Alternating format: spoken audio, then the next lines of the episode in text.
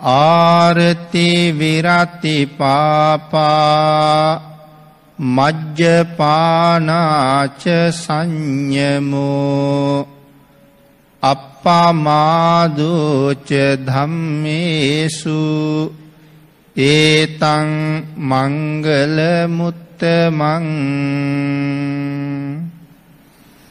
සද්ධර්මශ්‍රාවක කාරුණික ගුණගරුක බෞද්ධ පින්නතුන්නේ අද ධර්ම දේශනාවේ මාතෘකාව හැටියට මා යොදාගත්ත ගාථාරත්නය මං හිතන්නේ මෙතන ඉන්න ලොකු කුඩා සියලු දෙනාටම හොඳට පාඩම් තියෙනවා කියලා. අපේ බුදුරජාණන් වහන්සේ දෙවියන්ට ඇතිවෙච්ච සැකයන් දුරු කිරීම උදෙසා මේ ලෝකෙ තියෙන උතුම්ම මංගල කාරණා මොනවද කියල් දෙවියෝ භාගිතුන් වහන්සේකින් විමසපු වෙලාවේ අපේ භාගිතුන් වහසේ මංගල කාරණා තිස් අටක් දේශනා කොට වදාලා. ඒ මංගල කාරණා කොයි තරං උතුම්ද එන මීට වඩා උතුම් කරුණු ලෝකෙ වෙන වෙන නෑ. ලෝකෙ තියෙන උතුම්ම කාරණා තිස් සටක් තමයි මේ දේශනා කරලා තියෙන්නේ. එවන් කරුණු අන්තර්ගත මංගල සූත්‍ර දේශනාවේ හයවෙනි ගාථාරත්නය තමයි ධර්ම මාතෘකාව හැටියට යොදා ගත්තේ. ආරති විරති පාපා මජ්්‍යපානාච සංයමෝ අපපමාදෝච ධම්මේසු ඒ තම් මංගල මුත්තමා. මහා මංගල සූත්‍රයේ සඳහන් වෙන මේ ගාථාරත්නය ඇතුළේ උතුම් මංගල කාරණා තුනක් අන්තර්ගත වෙලා තියෙනවා. ආරති විරති පාපා. මෙතන ආරති විරති කියල සඳහන් කළේ පාප ක්‍රියාවන්ගෙන් වැලකීම. සඳහන් කළා පාප ක්‍රියාවෙන් පිළිකුල් කොට. පාපයෙහි නොඇලී තමාගේ කය වචනය දෙකින් පව්කිරීමෙන් වැලකීම. ආරති විරති පාපා. මජ්්‍යපානාච සංයමෝ මජ්්‍යපානාච සංයමෝ කෙල සඳහන් කළේ විශේෂයෙන් මදයට සහ ප්‍රමාදයට පත් කරන දේවල් වලින් වැලකීම. තවත් කෙටියෙන් කීවොත් මද්‍රව්‍යන්ගෙන් ඈත්වීම මේ ලෝකෙ තියෙන උතුම්ම කාරණාවක්.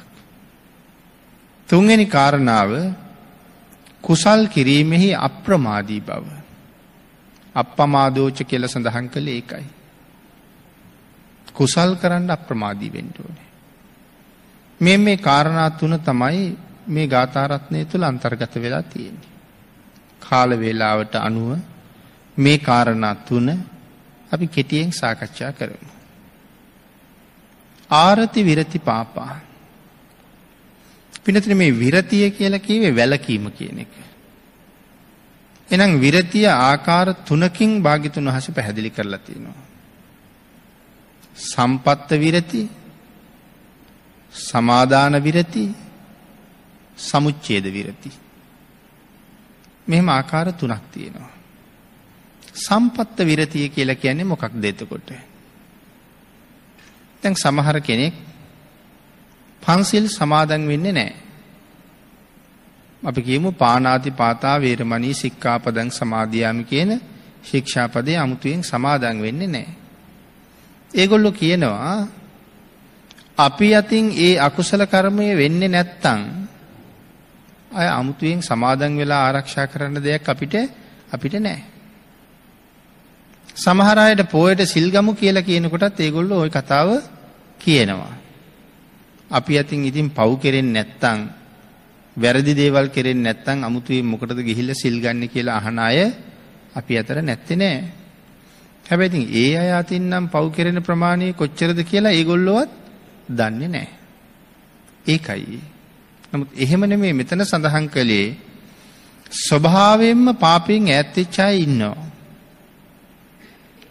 අම්ම වැරදි කරලත් නෑ තාත්ත වැරදි කරන්නෙත් නෑ සීයාච්චි වැරදි කරලත් නෑ. එහෙනම් පරම්පරාවෙන්ම අපේ මේ වැරද්ද කරලා නෑ. එහින්ද අපි කරන්නෙත් නෑ. අයමුතුයෙන් සමාදන් වෙන්න දෙකුත් දෙකුත් නෑ. එහෙම අය හිටියා. අං එහෙම අය ඒ ශික්ෂාපදයත් ආරක්ෂා කරගත වැරදි කළේ නෑ. නමුත් ඒ කාරණාව තමයි හැඳින්නුවේ සම්පත්ත විරතිය කියලා. මේකට එක උදාහරණයක් සෙහිපත් කළොත් අපේ රටේ තියෙන කාරණාවකින්. අපේ රටේ එක ළමේ හිටිය චක්කන කියලා. මේ චක්කන කියන දරුවගේ අම්මට අසනීපයක් හැදුනා. වෙද මහත්තයෙක් ළඟට ගියහම වෙද මහත්තය කිව්ව අම්ම සනීප කරලා දෙන්න පුළුවන් හැබැයි හාවිකුගේ මස් ගෙනල්ල තියන්න කියලා. චක්කනගේ අයිය චක්කනට කීවා මල්ලී අද වෙද මහත්තයා එන දවස. දැන් කොහෙන් හරි ගිහිල්ල හා මස් හොයන්ඩ ඕනේ. වෙල පැත්තේ ගියෝ තාවෙක් හොයාගන්න බැරිවෙන එකක් නෑ. ගිහිල්ල බලන්ඩ කියලා. අම්ම රැකගණ්ඩත් ඕනේ වැඩි මහලු සහෝදරයගේ වචනයට ගරු කරන්නත් ඕනේ. හැබැයි චක්කන ස්වභාවයෙන්ම ප්‍රාණගහතය පිළිකුල් කරන කෙනෙ. ඉතින් අර අම්මාගේ ජීවිතය රකින්නත් ඕනේ අයියගේ වචනයට ගරු කරන්නත් ඕන නිසා චක්කන වෙලට ගියා. හදිස්සියේම චක්කන දාවින් හාවෙක් පැනල දීවා. චක්කන හාව පස්සේ ලෙව්වා. දූගන යන හාවා හදල තිබිච්ච මද්දක පැටලුනා. චක්කන හාවළඟට ගිහිල්ලා හාව මද්දෙන් බේරලා අතට ගත්තා. චක්කනට තේරෙනවා මේ හාවගේ පපුුව ගැහෙන වේගී. එයාගේ අතට දැනෙනවා. මෙය කල්පනා කළා මේ මරණ බය. මගේ අම්මගේ ජීවිතයේ බේරගණ්ඩ මම ලෑස්ති වෙන්නේ තවත් කෙනෙක් මරන්ට. ඒක මේ ලෝකෙ අපරාධයක්. චක්කන පව් කරන්නත් අකමැතිම කෙනෙක්නේ ඒ නිසා චක්කන හාව නිදහස් කළා. උඹ කැලේට ගිහිල්ල උඹේ සහෝදර පිරිසත් එක්ක හොඳට කාලබිල්ල සතුටින් ජීවත්වෙනින් කියලා හාවට කියලා චක්කන ගෙදර ගියා. අයිය ඇහුවා හාවෙක් ගෙනාව නැද්ද. හම්බුනේ නැද්ද හාවෙක්. දැඟිතින් ඕන්නන් මෙයාට කියන්න තිබා වෙල පුරාම ඇවිද්දා ආවෙක් හිටිය නෑ. තැන් එනම් චක්කන බොරු කියන්නෙත් නෑ. චක්කන කීවා හිටියා. මං හාවෙක් අල්ල ගත්තා. ඒ වුණට මට හිතුණා මේ හාවගේ ජීවිතය අරගෙන අපේ අම්මට ජීවිතය දෙන එකේ තේරුමක් නෑ. ඒක වැඩක් නැති වැඩ. මං ඉන්ද හාවට යන්න කිව්වා. ඉට පස අයි අහනවා ඔබට අම්මට වඩා එහෙනම් හාව වටිනවා. එහෙම කෙනට ආය අම්ම මතක් වෙලා දුක හිතුණා. නමුත් චක්කන අම්මගාවට කියල සත්‍ය ක්‍රියාවක් කළා. මම මේ සතාට ජීවිත දානෙ දුන්නා. ඒක හැබෑම සත්‍යයි. ඒ සත්‍යානු භව බලයෙන් මගේ අම සුවපත්තේවා. හැබෑවටම චක්කනගේ සත්‍යක්‍රියාව නිසා අම්ම සනීප වුණා. එතකොට නිවැරදිව ඉඳලා සත්‍යක්‍රියාවක් වනත් කරන්න පුළුවන්. හැබැ හරියටම කළොත් ඒවා හරියටම හරියටම විපාකත් දෙනවා. මේ සඳහා ධර්මය කරුණු ඕන තරන් පැහැදිලි කරන්න පුළුවන්. නමුත් අපිට කෙටි කාලයක් තියෙන නිසා අපි මේ කාරණාව මේ විදිහට සිහිපත් කරමු නමුත් චක්කන පානාතිපාතා වේරමණී සික්කාපදං සමාධයාමි කියලා සමාදන් වෙච්ච කෙනෙක් නෙමේ. ස්වභාවයෙන්ම පව පිළිකුල් කරන කෙනෙක්. හැබැයි ඒක තරම්ම උතුම් නෑ කියලා ධර්මය සඳහන් කරනවා. පවින් වැලකිච්ච වැලකින් නැති එක වැලකිච්ච එක උතුම් නෑ කියන එක නෙමෙයි කියන්නේ. සමාදන් වෙලා නැති හින්දා. දෙවැනි කාරණාව තමයි සමාදාන විරති.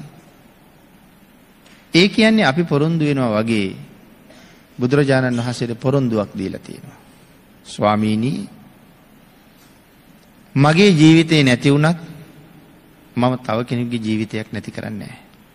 ඒක පොරොන්දුවක්. එතකොට පන්සිල් පද පහම භාගිතුන් වහන්සේට වෙච්ච පොරොන්දු. දිවුරා පොරොන්දු වෙච්චා. ඒ නිසා ඒක සම්පත්ත විරතියට වඩා ඉතාම උතුම්. ඒකට උදාහරණයක් සිහිපත් කළොත් මේකත් අපේ රටේමයි ඔය උතුරු වඩුන්නාව කියන ප්‍රදේශයේ ඒ කාලි උතුරු වඩුන්නාව. එක ගොවි මහත්තයෙක් එයාගේ හරක් බාන නැති වෙලා හරක් බාන හොයන්ඩ කැලේට ගියා. මේ ප්‍රදේශයේ තිබුණා අඹරැලි වෙහෙර කියලා විහාරයක්. අංගේ පන්සලට ගිහිල්ලා හාමුදුරුවන්ගෙන් සිල් සමාදන් වුණා. පන්සිල් ගත්තා.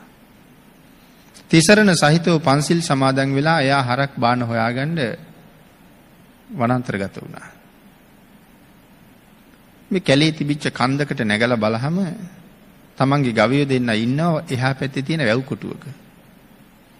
දැන් ඒ පැත්තට යන්න මෙයා ආපහු ගලින් බැහැගෙන එනකොට විශාල පිඹුරෙක් මෙයා අල්ලගත්තා. දැන් ඉතින් මෙයා කැලේට යනකොට කොහොමත් අතේ කැත්තක් තිබ්බා. දැන් මේ මිනිස්යාට හිතුණා මේ කැත්තෙන් පිඹුරක් කැපුවොත් මට බේරෙන්න පුළුවන්. ඒත් එක්කම මතක් වුණා මොහොතකට කලින් සමාදන් වෙච්ච සීලය. එහෙමනම් මේ සමාදන් වෙච්ච සීලේ කඩලා බෑ. පිඹුර ආයෙ ටිකක් හිර කරනකොට වේදනාවයි. ආයෙත් හිතුණ පිඹුර කපලා දාන්න. ආයෙත් සිල් මතක් වුණා. තුන්වෙනි වතාවෙත් මේ චේතනාවම ආවා. මෙයා කල්පනා කළා මේ කැත්ත අතේ තියෙන හින්දා තමයි මේ පෞකාර සිතුවිල්ල මට එන්නේ. මොකද බේරෙන්න ක්‍රමයක් තියෙනවා කියලා හිතෙනවා. මේ කැත්ත නැතිනම් කොහොමත් මේ පෞසිතවිල්ල එන්නේ නැහැ. සමාදන් වෙච්ච සීලය බිඳගන්නෙම නැහැ. මෙයා කැත්ත අල්ලලා විසි කළා. කැත්ත විසි කරාම මොකද වුනේ? ටික වෙලාවකින් පිඹුරත් එයාගේ ග්‍රහණය අතහැරලා දාලා යන්න ගියා. හැබැයි ඒ කාරණාව මෙහෙම මතක තියාගන්න ඕනේ. කැත්ත විසිකලොත් පිඹුරමාව අතාරී. එහෙම හිතලා කැත්තක් විසි කළා එහෙමනම් පස්සේ කෙනෙක් ඕක අහගෙන ඉඳලා එහෙම වුණොත් නම් පිඹුර සමහරට අතාරින එක නෑ. කැත්ත විසි කරපු නිසා නෙමේ පිඹුර මේ අතහැරියේ. මේ සිල්පදය ආරක්ෂා කරන්න දිවි හිමියෙන් කැප වෙලා ඉන්න හින්දායි කැත්ත විසිකේ. කෙනෙක් එහෙම කැපකිරීමක් නැතුව මේ කතාව අහලා බේරීම උදෙසා කැත්ත විසිකන්න පුළුවන්. එහෙම වුණාට ඒක වෙන්නේ නැහැ. මෙතන තියෙන්නේ දිවි හිමියෙන්ම සිල්පදේ ආරක්ෂා කිරීම. එතකොට දැන් මෙයා සමාදන් වෙලානේ ඉන්නේ. පානාතිපාතා වේරමණී සික්ඛාපදං සමාදියාමි කියලා පන්සලේදී සමාදන් වුණා. ඕක සමාදාන විරතිය. ඒක ඊටාම වටිනවා. මේ විරතියේ දෙවෙනි එක. තුන්වෙනි එක සමුච්ඡේද විරතිය. හැබැයි ඉතින් සමුච්ඡේද විරතිය ඔබටත් මටත් නෑ. එහෙනම් ඒක කාටද තියෙන්නේ? අපි පන්සිල් සමාදන් වෙලා හිටියට හදිසියේ ඒ පන්සිල් අපි අතින් කැඩෙන්න පුළුවන්. ප්‍රාණඝාතයෙන් වළකින්න පොරොන්දු වෙලා හිටියට සමහර වෙලාවට මම පිඹුරෙක් අල්ලගත්තොත් ඒත් මං සිල්පදේ බිඳගත්තේ නැති වුණාට හදිස්සියේ ගෙදර යනකොට දරුවා වෙලාගෙන හිටියොත් පිඹුරෙක් හැබැයි එහෙම වුණොත් නම් සිල්පදේ කැඩෙන්න කැඩෙන්න පුළුවන්. සමහර කෙනෙක් සිල් ආරක්ෂා කරනවා. හැබැයි දරුවෝ නිසා පව් කරනවා. ඒ දරුවන්ට තියෙන ආදරේ ඊටාම ඉහළ නිසා. එතකොට දරුවන්ට තියෙන ආදරේ තරම් සිල්පදේ රකින්න උවමනාවක් තිබිලා නැති බව පේනවා. අපි කියමු දිගින් දිගටම දිගින් දිගටම ගෙදරට සර්පෙක් එනවා.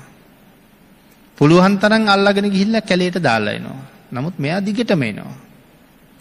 හැබැයි ඉතින් බේරෙන්නම බැරි වුණොත් සමහරලාට දරුවෝ ඉන්න නිසා අපි නැති වෙලාවක සර්පය ඇවිල්ලා දරුවන්ට දෂ්ට කරයිද කියලා හැඟීමක් එන නිසා සර්පයා මරලා දාන්න පුළුවන්. දියමකුලුවා මරලා දාන්න පුළුවන්. මම විතරක් ඉන්නව නම් මරන්නේ නමුත් දරුවෝ නිසා ඒ අකුසලයේ අපි කරගන්නවා. ඒකයි මං කිව්වේ අපේ සිල් අනිත්‍යයි. ඕන වෙලාවක වෙනස් වෙන්න පුළුවන්. බේරෙන්ඩම විදිහක් නැතුව ගියොත් බොරුවක් කියලා හරි බේරෙන්ඩ කටයුතු කරන්න පුළුවන්. දන්නවා වැරදි බව. ආය කයිරාටිකකමකුත් යට තියෙනවා. කමක් නෑ මේ වෙලාවේ බොරුවක් කියනවා හැන්දෑවේ ආපහු පන්සිල් ගන්නවා. එහෙම හරි හිතෙන්ට පුළුවන්. එහින්ද අනිත්‍ය බවක් තියෙනවා. සමුච්චේද විරති කියන්නේ එහෙම නෙවෙයි. ප්‍රාණඝාතය කරන්නෙත් යම්කිසි ක්ලේශයක් නිසානේ. ආං ඒ ප්‍රාණඝාත කිරීමේ ක්ලේශය සමූල ඝාතනය කරලා තියෙන්නේ. එහෙම ක්ලේශයක් ආය උපදින්නේ උපදින්නේ නෑ. ඒ හින්දා කිසි සේත්ම සිල්පදේ කැඩෙන්නේ නෑ. හොරකං කිරීමේ ක්ලේශය සමූල ඝාතනය කරලා. වැරදි කාම සේවනය කිරීමේ ක්ලේශය නැත්තටම නැති කරලා ඝාතනය කරලම කියලකි ඒකයි අය උපදින්න දෙන්නේ නෑ බොරු කියන්න තියෙන ක්ලේශයත් එහෙම්මම නැති කරලා තියෙනවා. එතකොට කවුද එහෙම නැති කරපු කෙනා. සඳහන් කලානේ ඔබ අපි නං එහෙම තාම කරලා නෑ. නමුත් ඒ ක්ලේශයේ සමූල ඝාතනය කරපු කෙනා කියලා කිව්වේ සෝවාන් කියන ආර්ය මාර්ගඵලයට ආපු කෙනා. ඒ ප්‍රකාශය ඒ පොරොන්දුව අනිත්‍ය නෑ. සෝවාන් ආර්ය ශ්‍රාවකයන් වහන්සේ අතින් කුමන හේතුවක් නිසාවත් පන්සිල් උල්ලංඝනය වෙන්නේ උල්ලංඝනය වෙන්නේ නෑ. අන් ඒ නිසා උන්වහන්සේගේ සීලයට කියන්නේ සමුච්ඡේද විරතිය. එන මේ ආරති විරති පාපා. පාපයෙන් වැලකිච්ච හැටි. වලකින විරති තුන තමයි මේ සේපත් කළේ. ඉතින් මේක තව ගැඹුරට සාකච්ඡා කරන්න තියෙන කරුණක්. මේ ගාථාරත්නයේ සඳහන් වෙනවා දෙවනි කාරණාවක් තව මේ මත්පැන් පානය කිරීමෙන් වලකිනවා. මද්‍රව්‍ය පාවිච්චි කිරීමෙන් වලකිනව කියලා පොරොන්දුවක් තියෙනවා. පිළිතුරේ මොනවද මේ මද්‍රව්‍ය කියලා කියන්නේ? සත්වයා මදයට සහ ප්‍රමාදයට පත් කරන දේවල්. මෙතන සඳහන් කළා මේ ලෝකෙ තියෙන සකල අනර්ථයන්ට තුඩු දෙනවා කියලා. ලෝකෙ තියෙන සියලුම අනර්ථකාරී දේවල් වලට තුඩු දෙන දෙයක් තමයි මද්‍රව්‍ය පාවිච්චි කරන එක.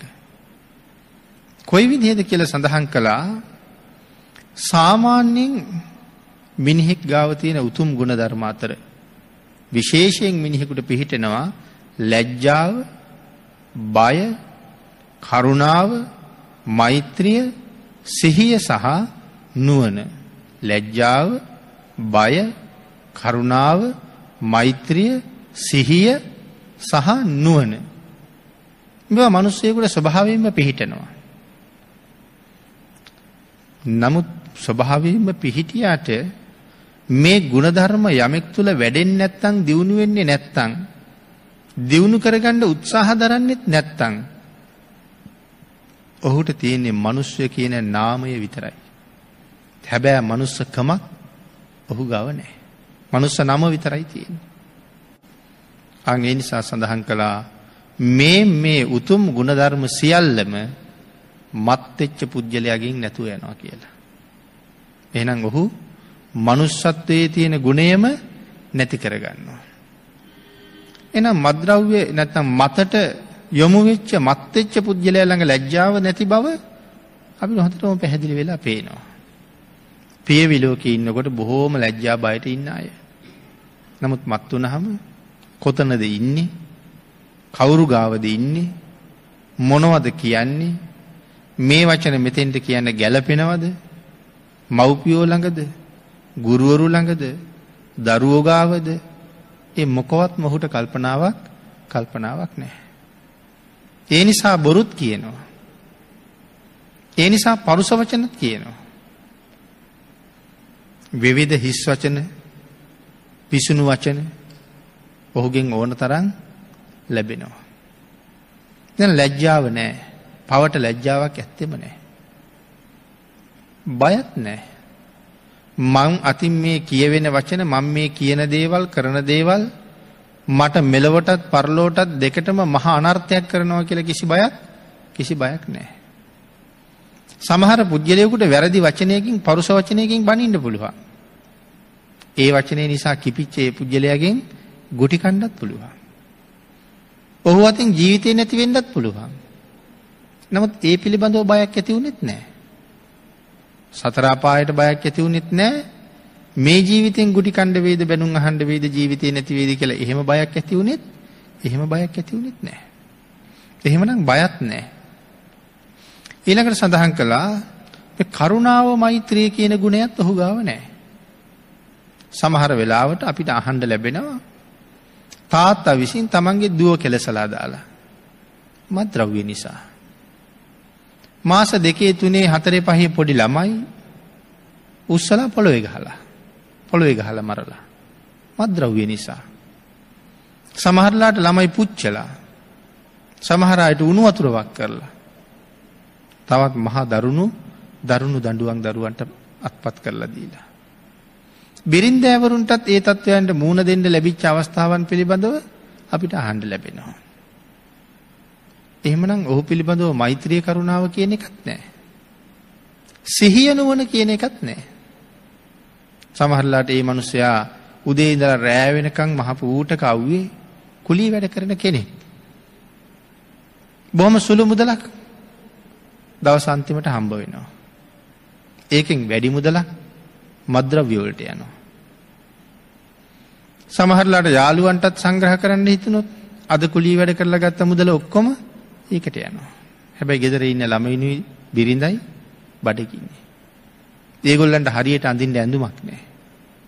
ඉගෙන ගන්න අයට පොතක් පතක් නෑ. බස් එකේ යන්න අවශ්‍ය මිල මුදල් නෑ. පන්ති ගාස්තු පාසල් ගාස්තු ගෙවන්න විදිහක් නෑ. සමහර දරුවෝ ඒ නිසා පාසල් යන එක නතර කරලා දානවා. සමහර අය සමාජ අවමානයෙන් බේරෙන්න පාසල් ගමන නතර කරලා දානවා. සමහරලාට දරුවෝ බඩගින්න නිසා ගෙයක් ගෙයක් ගාන ගිහිල්ලා වළං හොදලා හරි ඉල්ලගෙන ඇවිල්ලා හරි අම්මා හැන්දෑවට මොනව හරි වෙලා දුන්නාම අර මනුස්සයා සමහර මත් වෙලා ඇවිල්ලා ඒ දේවල් පොළවේ ගහලා විනාශ කරලා ඒ කැම ටිකත් නැති කරලා දානවා. මොකද සිහිය සිහිය නෑ. නුවණත් නෑ. තමන්ට අනර්ථයක් වෙනවා. තමන්ගේ දරුවන්ටත් අයහපතක් වෙනවා. මව්පියන්ටත් අවනම්බුවක් වෙනවා. තමන්ගේ ආත්ම ගෞරවය විනාශ වෙනවා. එහෙම කියලා කිසි කල්පනාවක් එහෙම දෙයක්ුත් නෑ එහෙම නුවණක් පහළ වෙන්නේ නෑ. මත නැති වුණාම සමහරලාට කල්පනා වෙනවා මං කරපු දේවල් වල තියෙන වැරද්ද. හැබැයි ඒ වැරද්ද නිසා ඇති වෙන දුක නැති කරන්න ආපහු එයා හොයන්නේ ආපහු මද්ද්‍රව්‍යමයි හොයන්නේ. ඒ අපේ සමාජයෙන් ඕන තරම් අපිට ඒ දේවල් දකින්න ලැබෙනවා. එහෙනම් ඒ කරුණ තමයි මෙතන මේ සඳහන් කරලා තියෙන්නේ තිරිසං ස්වභාවයට රාක්ෂස ස්වභාවයට උම්මත්තක ස්වභාවයට පත් වෙනවා කියලා. එහෙනම් වෙලාවක තිරිසනෙක් වාගේ, තව වෙලාවකට රාක්ෂයෙක් වාගේ, තව වෙලාවක උම්මත්තකෙක් වාගේ කටයුතු කරනවා මේ මතට බොදුරු වෙච්ච පුජ්‍යලයා. ඇබ්බැහි වෙච්ච පුජ්‍යලයා. ඊළඟට සුරාපානයේ ආදීනෝ පිළිබඳව සඳහන් කරනවා මේ මව්පිය දූ දරුවන් පිළිබඳවවත් කරුණාවක් නැති නිසා. සමහරලාට මහා පෞසිද්ධ කරගන්නවා. අම්ම එක්ක සමහරලාට බැනගන්නවා. තාත්තා එක්ක බැනගන්නවා. සමහරලාට සුරාවෙන් මත්වෙච්ච අය අම්මට ගහපු පොළු පාරක් අම්ම මැරිලා. තාත්තා මැරිලා තල්ලු කරාම ගිහිල්ලා වැටිලා කොහේ හරි ඔළුව වැදිලා. දැන් එතකොට මෙයා රැස් කරගෙන තියෙන අකුසලයේ කොයි වගේ එකක්ද? මේ මනුස්ස ලෝකේ කරගන්න තියෙන බිහිසුණුම අකුසල් පහෙන් එකක් කරගෙන. ආනන්තරීය පාප කර්මයක් කරගෙන. නමුත් ඒ මෙන්න මේ මත්වීමේ ප්‍රතිඵලයක් ප්‍රතිඵලයක් හැටියට කොයිතරම් දරුණු අපරාධයක් කරගත්තද තමන්ගේ ධන සම්පත් වේගෙන් විනාශ ස්වභාවයට පත් වෙනවා එක කාරණාවක් මේ සඳහා සඳහන් කරනවා සුරාවෙන් මත්වෙච්ච එක රජෙක් තමන්ගේ දරුව මරලා උයල කෑවා. ධර්මයේ එහෙම කතාවක් සඳහන් වෙනවා. දරුවා මරලා මස් නැති හින්දා දරුවගේ මස් ටික උයල කනවා. ඒත් කරුණාව මෛත්‍රිය නැති තැන සිහිය නුවණ නැතිකමේ තව එක සිද්ධියක්. ඊළඟට සඳහන් කළා මේ අනාථපිණ්ඩික සිටුතුමාගේ එක බෑන කෙනෙක් හිටියා. 40 කෝටියක් විතර ධනෙ තිබ්බා. ඒ කියන්නේ සාමාන්‍ය සිටුවරයෙක්. සාමාන්‍ය සිටුවරු තමයි 40 කෝටියක් ධනෙ තියන අය. 80 කෝටියක් විතර ධනෙ තියෙන අයට කිව්වේ මහ සිටානු කියලා. දැන් මේ 40 කෝටියක් ධනෙ තිබුණා අනාථපිණ්ඩික සිටුතුමාගේ බෑන කෙනෙක්. ඒ කියන්නේ මාමණ්ඩි කියලා කියන්නේ ලෝකේ ඉන්න මහා මහ සත්පුරුෂයෙක්. නමුත් ඒ සත්පුරුෂයාගේ ආශ්‍රය ලබලා එලව මෙලව දෙකම දිනු කරගන්න කල්පනා කළේ නැහැ. මිත්‍රයෝ ඇසුරු කරන්න ගිහිල්ලා ඒ ඇත් එක සුරාපානය කරලා තමන්ගේ මුළු ධනස්කන්දේම මේ සුරාවටම වැය වුණා. හතලිස් කෝටියම ඉවර වුණා. එදිනෙදා ජීවිතයේ ආහාර පාන්ටිකවත් නැතුව ගියා. අන්තිමට ගයක් ගයක් ගානේ හිඟමනේ ගියා. අනුන්ගේ ගෙදරක අගුපිලේ දවසක් මැරුණා. ඒ මිනිස්සු කිසිම ගෞරවයක් නෑ වැල් පොටක් දාලා ගැට ගහලා තිරිසන් සතෙක් ඇදගෙන යනවා වගේ ඇදගෙන ගිහිල්ලා සොහනට විසි කරලා ආවා. නමුත් ජීවිතයේ මේ තරම් පහත් තත්වයට ඇද වැටුනේ මේ සුරාව නිසා. අන් ඒ නිසා සුරාපානයෙන් වලකිනවන යම් කෙනෙක් ඒ කාරණාව කොයි තරම් උතුම්ද කියන කරුණ ධර්මයේ සඳහන් කරනවා. සුරාවට ලොල් වූ අය නොයෙක් පව්කංකට බොහෝ සතුරන් හදාගන්නවා කියලා ධර්මය සඳහන් කරනවා. තමන්ගේ ආධ්‍යාත්මික මෙලොව ජීවිතය විනාශ වෙනවා විතරක් නෙමෙයි. ඒ අයට බොහෝ සතුරු හැදෙනවා. ඒ පාර යන යන අයට බයිනවා. අනුන්ගේ ගෙවල් වලට පැනලා තියෙන දේවල් කඩා වඩා ගන්නවා. අනුන්ගේ කාම සම්පත් බලින් උදුර ගන්න උත්සාහ කරනවා. මේ මේ මේ වගේ කරුණු නිසා බොහොම හතුරු හැදෙනවා. සමහරලාට පාරේ මරලා දාන්නත් පුළුවන්. ගෙදරටම ඇවිල්ලා ගහලා මරලා දාන්නත් පුළුවන්. තව නොයේක් අපරාධ වලට තව නොයෙක් අවාසනාවන්ත තත්ත්වයන්ට ඒ පුද්ගලයාට ලක් වෙන්න තියෙන ඉඩකඩ බොහොම බොහොම වැඩි. නමුත් මේ සුරාව ගැන වර්තමාන සමාජයනුත් අපි දකින්නේ ආරක්ෂා වෙන ස්වභාවය බොහොම අඩුයි. දවසින් දවස දවසින් දවස ලොල් වෙන ස්වභාවය බොහොම වැඩි. ඒ බුදුරජාණන් වහන්සේ කීකරු නොවිච්ච පිරිසක් වැඩිපුර හැදෙන නිසා. වෙනතර ධර්මයේ සඳහන් කළා එහි තවත් ප්‍රතිඵල මොනවද කියලා. සුරාමේරේ පානං භික්කවේ ආසේවිතං භාවිතං බහුලී කතං නිරය සංවත්තනිකං හෝති. තිරච්චාන යෝනී සංවත්තනිකං හෝති. පෙත්ති විෂය සංවත්තනිකං හෝති. යෝ සබ්බ ලහුසෝ සුරාමේරේ පානස්ස විපාකෝ මනුස්ස භූතස්ස උම්මත්තක සංවත්තනිකෝ හෝති. සඳහන් කරනවා මේ ප්‍රකාශයේ සුරාපානය කළෝ මරණින් මතුද නරකයෙහි උපදිති.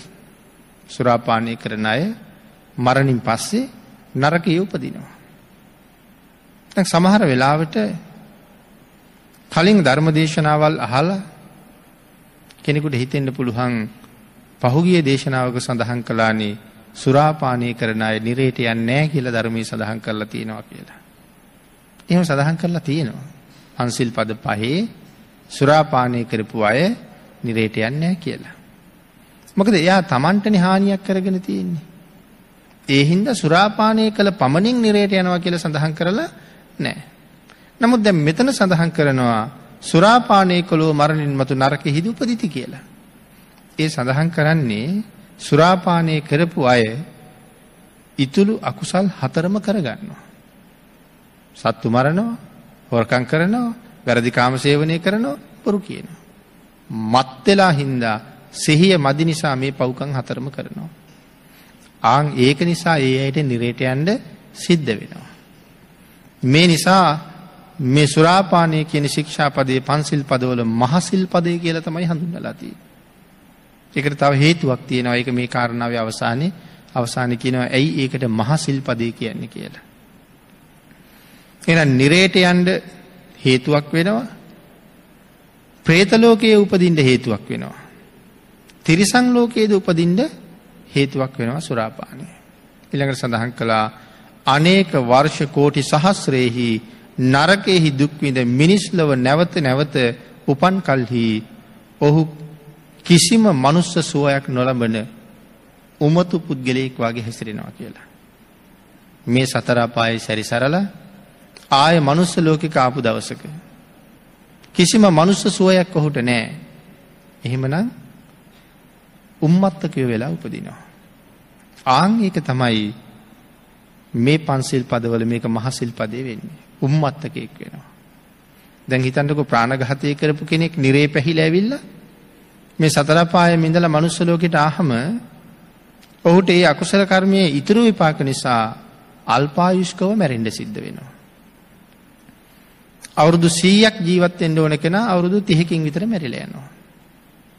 මැරිලයනවා. හැබැ මේවාගේ සම්මාධිට්ටික යුගයක ඉපදිලා සත්පුරුෂ මව්පියෝ හම්බ වෙලා සත්පුරුෂය ඇසුරු කරලා තෙරුවන් සරණ ගිහිල්ලා සෙල් ආරක්ෂා කරගෙන දානමානාදී පින්කං කරගෙන ඒ අවුරුදු තිහ ඇතුළේ ඒ පුද්ගලයා බොහෝ පින්කං පින්කං කරගන්නවා.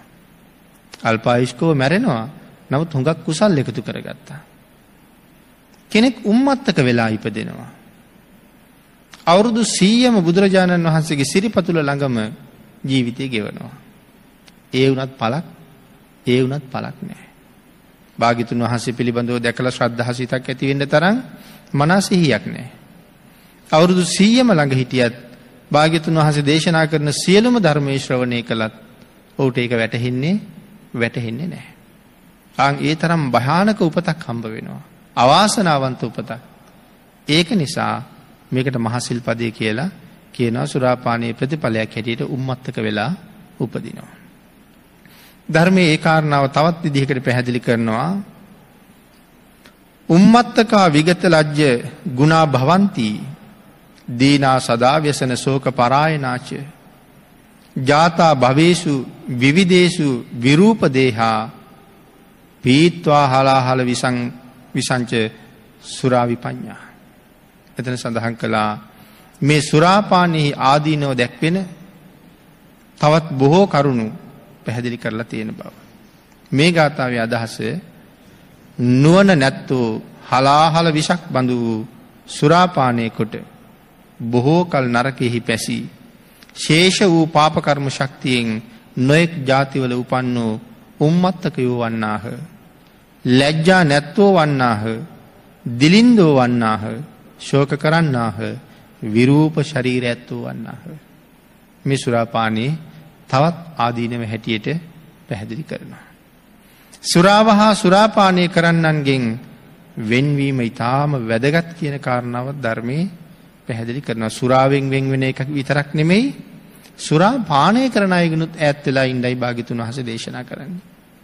ඒ පුද්ගලයා එක් හිටියට මම සුරාපානය කළේ නෑන කියලා අපිට බේරෙන්ඩ අවස්ථාව තියෙනවා අඩුයි. භාගිතුන් වහස දේශනා කළේ සුරා පානයනුත් වලකින්න පානය කරන අයගෙනුත් වලකින්ට කියලා. ඉතින් අපිත් භාග්‍යතුන් වහසට කීකරු වෙනවනං හැබැවින්ම ඒ අයත් හරින්ඩම වෙනවා. දෙහෙම නැත්තම් අපි බුදුරජාණන් වහන්සේට කී කරුණ විච්ච එක තමයි වෙලා තියෙන්නේ.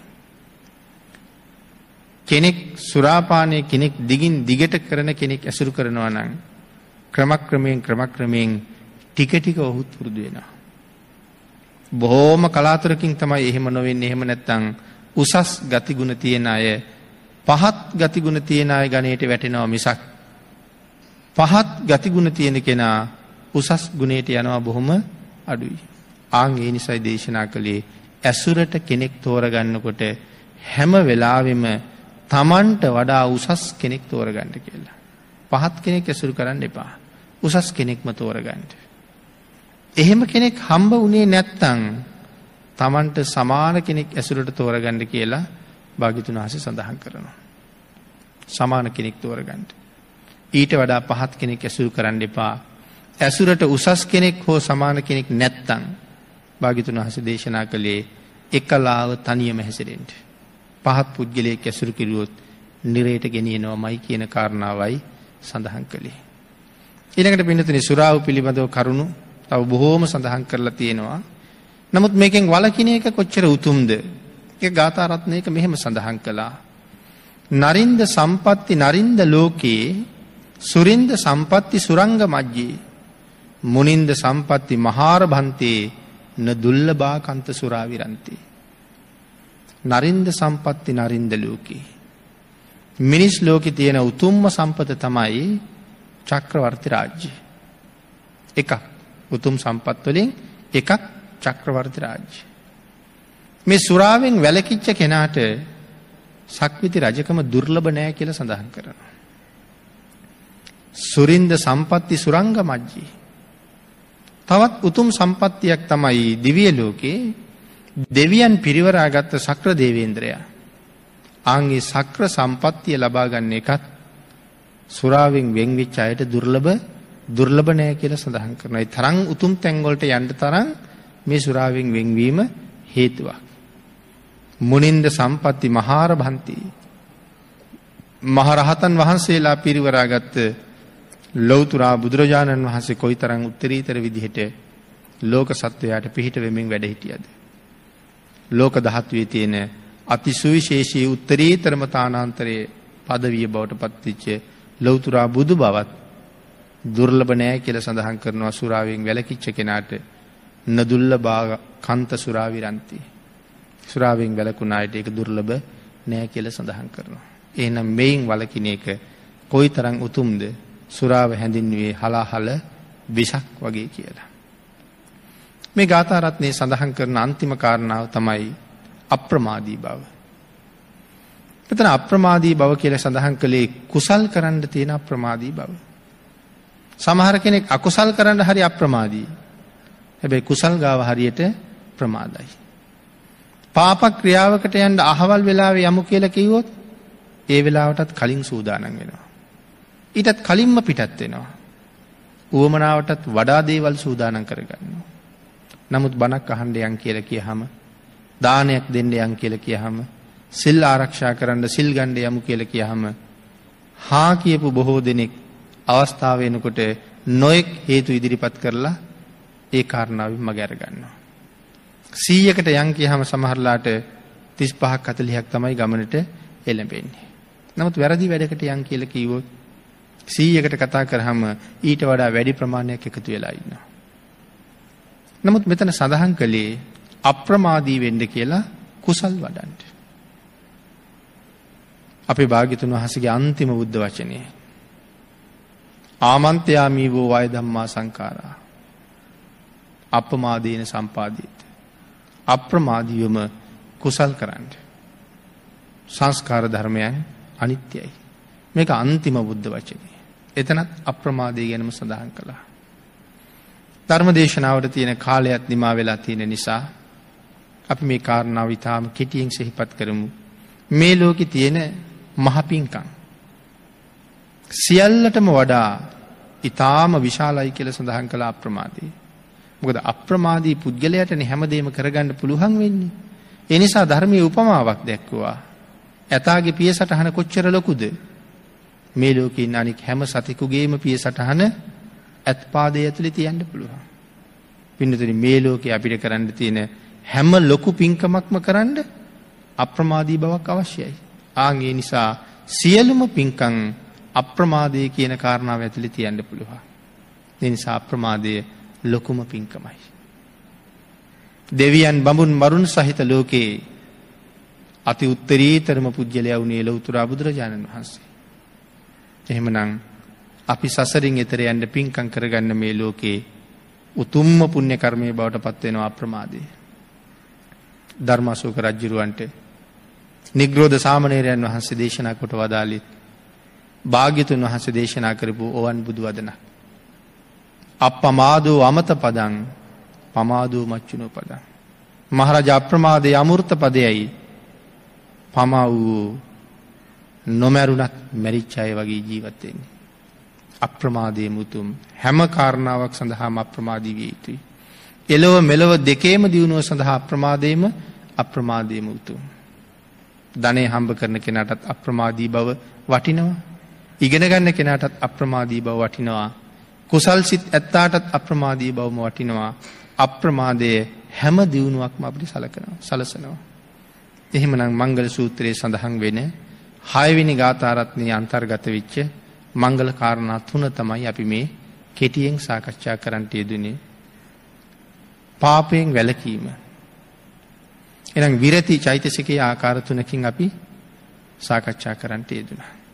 සුරාවෙන් වැලකීම සහ අප්‍රමාදී බව මේ ලෝකෙ තියෙන උතුම්ම කාරණා තිස් අට ඇතුළි තියෙන කරුණු තුනක්. එමනම් ඒ කාරණා තුන අපි මේ වෙලාවෙ කෙටියෙන් සාකච්ඡා කරගත්තා. අන්තිම කාරණාවට අනුව අපිත් මේ ජීවිතයේ හැම වෙලාවෙම අප්‍රමාදී විය යුතුයි මෙවන් මහකුසල් රැස් කරගන්නට. තවත් බොහෝ කුසල් රැස් කරගන්නට. විවිධ විවිධ වූ කුසල් වලින් ජීවිතය පෝෂණය කරගන්නට. ඒවන් ජාතේන මච්චේන කත්තබ්බං කුසලම් බහුම් උපන්නා වූ සත්වයා බොහෝ කුසල් කළ යුතුයි කියන කාරණාව පූරණය කරලා අපිට ලැබිච්ච උතුම් මනුස්ස ජීවිතයට අපි හැබැ සාධාරණයක් ඉෂ්ට කලා කියලා අවසානි සතුටු වෙන්න පුළුවන්නම් ඒ අපේ පරලෝ ජීවිතය සුවපත් කරන කාරණාව බවට පත්වෙනවා. එහෙමනම් අපි සියලු දෙනාටම එවන් උතුම් සිතුවිලි ඇති කරගන්න මේ ධර්ම ශ්‍රවණය කිරීම තුළින් ලැබිච්ච අවවාද අනුශාසනා තුළින් මග සැලසේවා කියලා අපි ප්‍රාර්ථනා කරමු.